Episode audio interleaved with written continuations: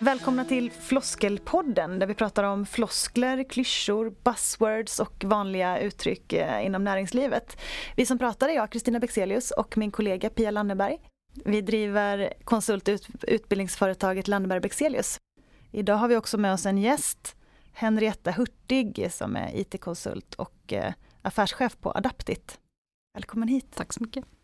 Idag ska vi prata om vår absoluta favoritfloskel, mervärde. Ja, mervärde. Den är underbar tycker vi. Ja. Vad betyder det? Ja, och det är roligt för att du och jag pratade om det häromdagen. Ja, Och vi I satt ju- 40 minuter Ja, pratade vi ja, om mervärde Ja. och vad det egentligen betyder. Ja, och det är otroligt roligt för vi hade inte riktigt samma uppfattning. Nej. Nej, det hade vi inte. Och det är ju det som är hela problemet med det. Ja. Att vem, vad är mervärde? Vem definierar det? Mm. Och vad, vad får det för konsekvens att man inte har samma uppfattning? Vad, Ja vad händer då? För att bringa lite ordning i det här så har vi pratat med vår språkforskare Lisa Rudebäck på Språkrådet för att höra vad hon säger om mervärde. Mervärde är ett ord med många olika betydelser som ja, liknar varandra olika mycket. Ehm, allt sedan 1800-talet så används ju mervärde efter Marx då, inom marxistisk teori som det värde som arbetet skapar utöver vad arbetaren får ut i lön. Och i en väldigt närliggande betydelse så används det som ekonomisk term helt enkelt det värde som skapas genom produktion, alltså det pris man får ut när man säljer en vara minus alla kostnader. Sen används det mer allmänt, alltså ett högre värde som något har jämfört med något annat. Men den betydelse som är lite mer modordsbetonad möjligen då, då det, det är betydelsen något extra som man får ut av till exempel en vara eller en tjänst, alltså någonting utöver förväntningarna. Och ofta när man använder det på det här sättet så betyder det inte så mycket mer än någonting bra. Eh, Ja, att det hör till den marxistiska tankesfären, det var... så är det ju, men eh, det är inte riktigt så som det används i första hand idag ju, Nej. På företagen. Nej, vad tänker du Henrietta? Jag tycker det är spännande. Det är ett jättespännande ord. Framförallt eh, för att jag upplever att det oftast, eller det används i princip bara av den eller, den eller de som erbjuder någonting. Man definierar själv vad mottagaren ska få för mervärde utan att egentligen ha tagit reda på vad man hade för förväntningar om leveransen eller produkten från början. Nej, precis. Det är spännande. Det, det var ju det vi pratade om också, att vad är, det är inte, jag kan ju som leverantör inte bestämma vad Nej, kunden det uppfattar som mervärde. Det man gör. Men ändå är det ju precis som du säger, det är ju det man gör. Mm. Men mottagaren har ju inget säg i det. Nej. Vilket ju gör att det blir väldigt eh, knepigt, för det är ju mottagarens upplevelse som ändå till slut Mm. eh, blir intressant för mig som Mm. leverantör. Men Då tänker jag, hur ska man, hur ska man då jobba som företag med, med mervärde? För att jag menar, de flesta företag som vi är ute och jobbar med, de säger så här, vi måste addera värde till kunden, eller mervärde. Addera mervärde, Ja, det måste vi göra. värsta uttrycket. Och så frågar man då, vad menar ni med det? Då är det lite oklart. Ja, är det att man ska vara glad och trevlig bara, Ja. lite extra glad och trevlig? Eller är det något mer konkret man ska få? Och då blir problemet om kunden redan förväntar sig det. Då är det ju inget mervärde. Jo, men för jag tänker det, då är det så att vanligt i konsultvärlden i alla fall är att ja, vi måste vara proaktiva. Vi ska ringa upp och vi ska visa att vi är engagerade och på tå. Och det är ju en bra tanke. Men om jag som kund förväntar mig Mm. det, jag förväntar mig att mm, min konsult som jag anlitar ska vara proaktiv, då är det ju inget mervärde. Och mervärde känner jag, det är ju någonting som ligger i konsultrollen att leverera. För att man precis är där i en helt annan kontext. Man är inte anställd och har inte samma arbetsdag på det sättet. Utan man är där för att utföra en specifik arbetsuppgift. Och det kan inte vara ett mervärde att agera över förväntan. Utan det är snarare det som förväntas. Ja, men precis. Ja, det har ju blivit det som förväntas. Mm. Och något annat går ju inte, så där förväntansgapet blir ju egentligen. Ja, det är det som är lite spännande. Ett exempel som jag ofta brukar ta är Espresso House. Därför att de serverar ju kaffe. Ja, någonting att äta och te och sånt. Förtäring helt enkelt. Men deras då add-on är ju att det också är en mysig upplevelse. Det är ett avbrott i vardagen och det är en mysig kaffestund med mamma eller vad det nu kan vara för någonting. Det är någonting annat, en, en upplevelse. Och från början så var ju det lite speciellt, att man gjorde någonting mer kring kaffestunden. Men nu förväntar sig ju alla att det ska vara lite mysigt och det ska vara lite trevligt. Så nu har vi ju redan, nu är det en hygienfaktor, mm. att det ska vara mysigt och nu har alla andra gjort likadant. Så vad skulle då ett sådant företag behöva göra för att addera ytterligare värde? Mm, vad ja, tänker ni? Ja, nej, men det blir ju det som blir problemet att när man har skapat någonting och, eller gjort någonting eller levererat någonting, då är det ju det som är normen. Och då blir ja. det det som man utgår ifrån nästa gång. Och då är det inte, då tycker man tycker fortfarande att det är bra och man går ju tillbaka om för att man gillar det. Men då är det ju det man måste leva upp till varje gång för annars så, då är det ju inget mervärde längre. Nej. Då är det ju bara det jag förväntar mig. Ja. Precis, och frågan är väl också, söker kunden ett mervärde? Eller är ja. den levererade produkten eller tjänsten precis det man förväntar sig och det man är nöjd med? Och att man faktiskt är nöjd, det blir inte, man blir inte mer lojal helt Nej. enkelt. Nej, är man nöjd så är man ju nöjd och får jag det som jag har velat ha så är det ju bra med det. Det kanske räcker så. Men, men om man tittar på marknadsföringstermer, om man slår upp, eh, googlar mervärde och marknadsföringsterm, då, verkar det, då står det definierat som någonting utöver det som själva produkten ger. Alltså själva tjänsten mm. eller produkten, allting utöver funktionen eller nyttan mm. som produkten eller tjänsten ger, mm. är mervärde. Mm. Ja just det, men då är man ju inne på det som vi brukar prata om, som handlar om branding egentligen. Mm. För det menar ju vi är ett typ av mervärde, upplevelsen av produkten eller tjänsten eller vad det nu är. Mm. Men det är ju inte ett mervärde egentligen, tänker jag, utan det är ju, det är ju brandingen. Ja. Det är ju hur man det är varumärket. Vill, det är varumärket. Som ligger i varumärket. Ja men precis, det är hur, hur det upplevs, vad mm. jag ska känna, vad jag tänker, vad jag är beredd att betala för eller vilken upplevelse jag vill ha. Och det ser inte jag som ett mervärde då utan snarare som, som varumärket. Mm. Jag har pratat med Jakob Östberg, Sveriges första professor inom reklam och PR, för att ta reda på hur han ser på begreppet mervärde. Idag pratar vi om floskel, en av mina favoritfloskler, nämligen mervärde. Hur definierar du mervärde? Jag definierar inte mervärde. Jag använder inte det begreppet. Jag tycker det är högst problematiskt. För det bygger på en tanke om att det finns någon slags fast värde kring någonting och sen kan man addera på det. Ehm, men då måste vi börja i det här värdedelen eh, och vad, vad det fasta värdet som man sen skulle kunna addera någonting mer till egentligen är. Och där slår man ju snabbt huvudet i väggen. Därför var, var finns det här grundvärdet någonstans? Och eh, lite mer primitiva tänkare kring det här tänker ju sig att det här värdet finns paketerat i ett, ett marknadserbjudande till exempel. Att, att jag köper, ja, köper jag en, eh, en pizza, då, då ligger värdet i pizzan. Där finns ett, ett, ett värde som eh, beroende på eh, filosofisk inriktning har skapats på ett visst sätt. Om det är arbetsinsatsen eller kostnaderna på råvarorna eller vad det kan vara.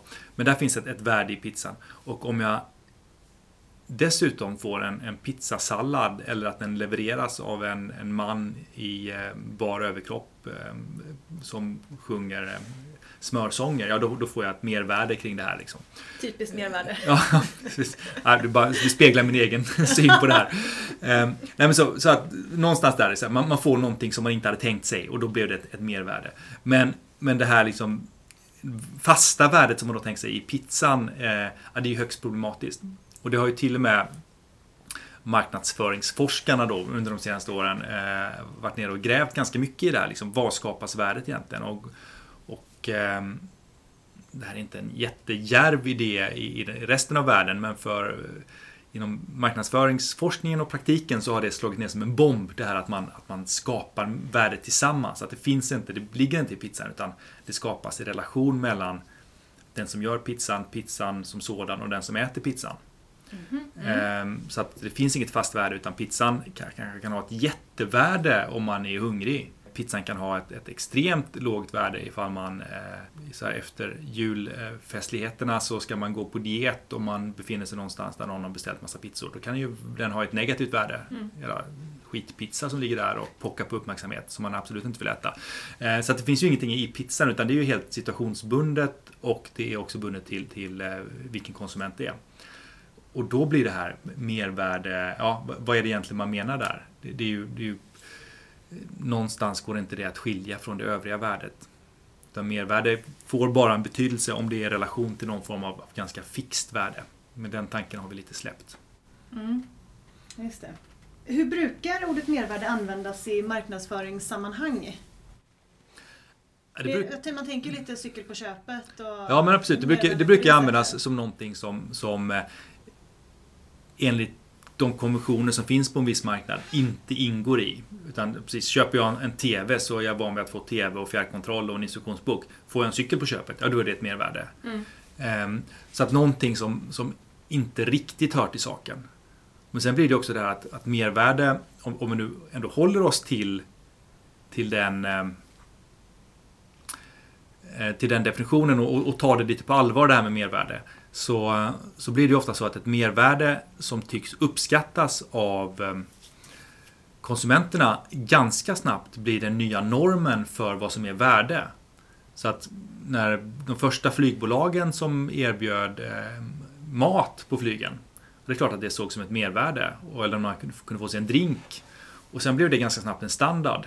Att eh, ja, när man flyger då får man, får man gratisdricka och, och lite käk och jordnötter och grejer. Eh, och då är det inte det längre ett mervärde. Och sen när företag började ta bort det där, då var det nästan som att en del kunde se det som ett, ett mervärde att, att slippa det här och, och, betala mindre pengar. För att det är ju klart, företag bjuder oss sällan på saker. Utan eh, de gör oerhört sällan saker som långsiktigt inte gynnar dem själva. Så att tanken om mervärde är väl också att det är, att det är nästan som en liten gåva som man får av företaget. Att det är någonting som man inte har betalat för. Men det är ju en... Eh, det, är, det är nog lite naivt att se det så. Mm. Företagen ger oss sällan saker som de inte tror att de långsiktigt vinner någonting på. Kortsiktigt kan de, kan de givetvis ta, ta förluster för att vinna långsiktiga vinster. Mm. Ja, nej, det är ju svårt också eh, vad, man, vad man själv uppskattar som mervärde. Ja. Det är jättesvårt. Men jag tänker också på det här att många företag säger ju ja, men du vet, vi ska leverera mervärde till våra kunder. Mm. Eh, och vad blir problemet med det när man inte riktigt definierar vad mervärdet ska bestå i? Ja, det blir ett ganska tomt löfte och framförallt om, om ett företag, eh, alltså man kan inte långsiktigt leverera mervärde med mindre än att man konstant skruvar upp det här. Men konsumenterna vänjer sig ganska, nytt, ganska snabbt vid en ny standard. Ja, men har man en gång fått någonting på köpet, har man en gång köpt pizza, och fått pizzasallad och blivit glad för att den var gratis, så blir man ju nästan sur nästa gång ifall man måste betala för den. Utan då krävs det än en gång så, så, tycker jag att, att flygbranschen är ett ganska bra exempel. Det krävdes ju någon, någon, mindre liksom revolution och kaos inom flygbranschen för att de skulle börja ta betalt för saker som man hade räknat med att man skulle få gratis. Till exempel gratis dricka även på korta flygningar. Ja, nej, då fick man ta bort, men då blev det ju ja, det blev nästan som någon slags eh, konsensusbeslut inom flygbranschen att nu, nu tar vi det här steget. Mm. Nu backar vi. Mm. Sist jag flög blev jag oerhört glatt överraskad när jag fick en plastig macka. Mm. Det kändes ju som ett mervärde då. Ja men precis, då, men då har de lagt en, lagt en ny lägre standard. Då kan de börja bjussa på det här igen. Men snart kommer du bli, blir du sur nästa gång om du inte ja. får den där plastiga mackan. Ja, ja men exakt. Ja. Det handlar ju om förväntningar såklart. Mm. Och vad man räknar med man ska få i det här man köper eller upplevelsen mm. eller vad det nu är. Och, och det som också är vanskligt med, med egentligen alla e-, erbjudanden om mervärde är att fallhöjden blir väldigt högt om man, om man utlovar det här men sen inte levererar. Men alltså, och ett av mina favoritexempel där är det här med gratis wifi. Det är ofta någonting som, som erbjuds som ett mervärde. Du kan inte bara åka tåg mellan Stockholm och eh, Göteborg. Du kan också surfa på tåget. Eh, men alla som har åkt tåg med någon regelbundenhet vet att det är inte helt sällan som det där eh, finns vissa problem med det fria surfandet på tåget. Eh, det går sådär och det skapar ju en enorm frustration. Hade de inte erbjudit det här så hade man ja, inte haft några förväntningar. Nu har man förväntningar och så sitter man och, uppdaterar någon, någon sida där liksom och blir argare och argare kollektivt i vagnen för att det inte funkar. Och då blir det ja, en fall, ja, ett fall där från det här löftet om erbjudandet när det inte levereras. Mm. Sen att tågen sällan levererar på själva kärngrejen, att man kommer fram i tid, det är kanske ett större problem. ett problem Så att då har man mindre energi att lägga på att man inte får mervärdet eftersom man inte får själva värdet heller. Det är bättre med mm. lågt ställda förväntningar från sina Absolut. konsumenter. Ja, det finns en sån här eh, marknadsföringsteori eh, som brukar kallas för expectancy value. Det här att, att det gäller att hitta någon slags sweet spot mellan att eh, man måste ge ett löfte som är tillräckligt attraktivt så att folk agerar på det. Liksom. Så att man måste upp till en viss nivå så att folk känner att det, det här vill jag haka på. Men lovar man för mycket så, blir, så lever man ju sällan upp till det. Så att då, och ju mer man lovar desto ja, högre blir fallhöjden. Så man måste hitta den där eh, nivån att lova så mycket så att folk faktiskt tycker att det är en bra idé men att de ska bli lite överraskade. Man ska ju känna att man fick lite mer. Mm. Ja, jag håller med om det. Det är inte alltid det så givet bra att leverera lite mer än vad man hade avtalat. Nej. Det blir ju som du säger, då förväntar man ju sig det nästa gång. Mm. Eh, och så blir det bara ja, något man måste nå upp till då hela tiden. Ja, det är en ond, en ond cirkel för företagen men sannolikt en ond cirkel också för konsumenterna. Plötsligt står man där och, och ja, blir missnöjd på saker som man inte borde bli missnöjd på. Mm. Så mervärde, floskel eller inte floskel? Eller ett ord vi inte ska använda alls? Det, det finns väl någonting i, nej inte bara en floskel, men ett, ett farligt ord. Mm. Potentiellt sett. Mm. Farligt hur då? Farligt därför att eh, det skapar eh, orimliga förväntningar på vad ett marknadserbjudande, om vi håller oss till den delen av ordet, ett marknadserbjudande egentligen ska innebära. Det flyttar horisonten för vad som är rimlig lägstanivå på ett sätt som till slut gör att, att originalmarknadserbjudandet ja, har förvanskats och blivit någonting annat. Ja, toppen. Tack! Kontentan från oss tre i alla fall egentligen, låter det som. Att det handlar snarare om att ta reda på vad har kunden för, för förväntningar Precis. på oss mm. och sen säkerställa att vi lever upp till det. Precis. Mm. Och sen om man är lite extra trevlig på köpet så är väl det bra, men, men, kanske, inte, men kanske inte ett mervärde ändå. Nej, så frågan är om man ska använda det uttrycket överhuvudtaget. Faktiskt inte. Nej, och i alla fall nej, inte utan nej. att tydligt definiera det. Och vara säker på att alla menar samma sak i så fall. Om man nu som företag vill använda det här, vi ska addera mervärde till våra mm. kunder. Då måste man ju säga vad det ska vara då. Och vara ja. säkra på att de vill ha det ja. också. Mm. Och en del använder ju inte ens ordet mervärde. En del, lika poppis är att säga vi ska addera värde eller vi ska, mm. vi ska skapa värde. Ja.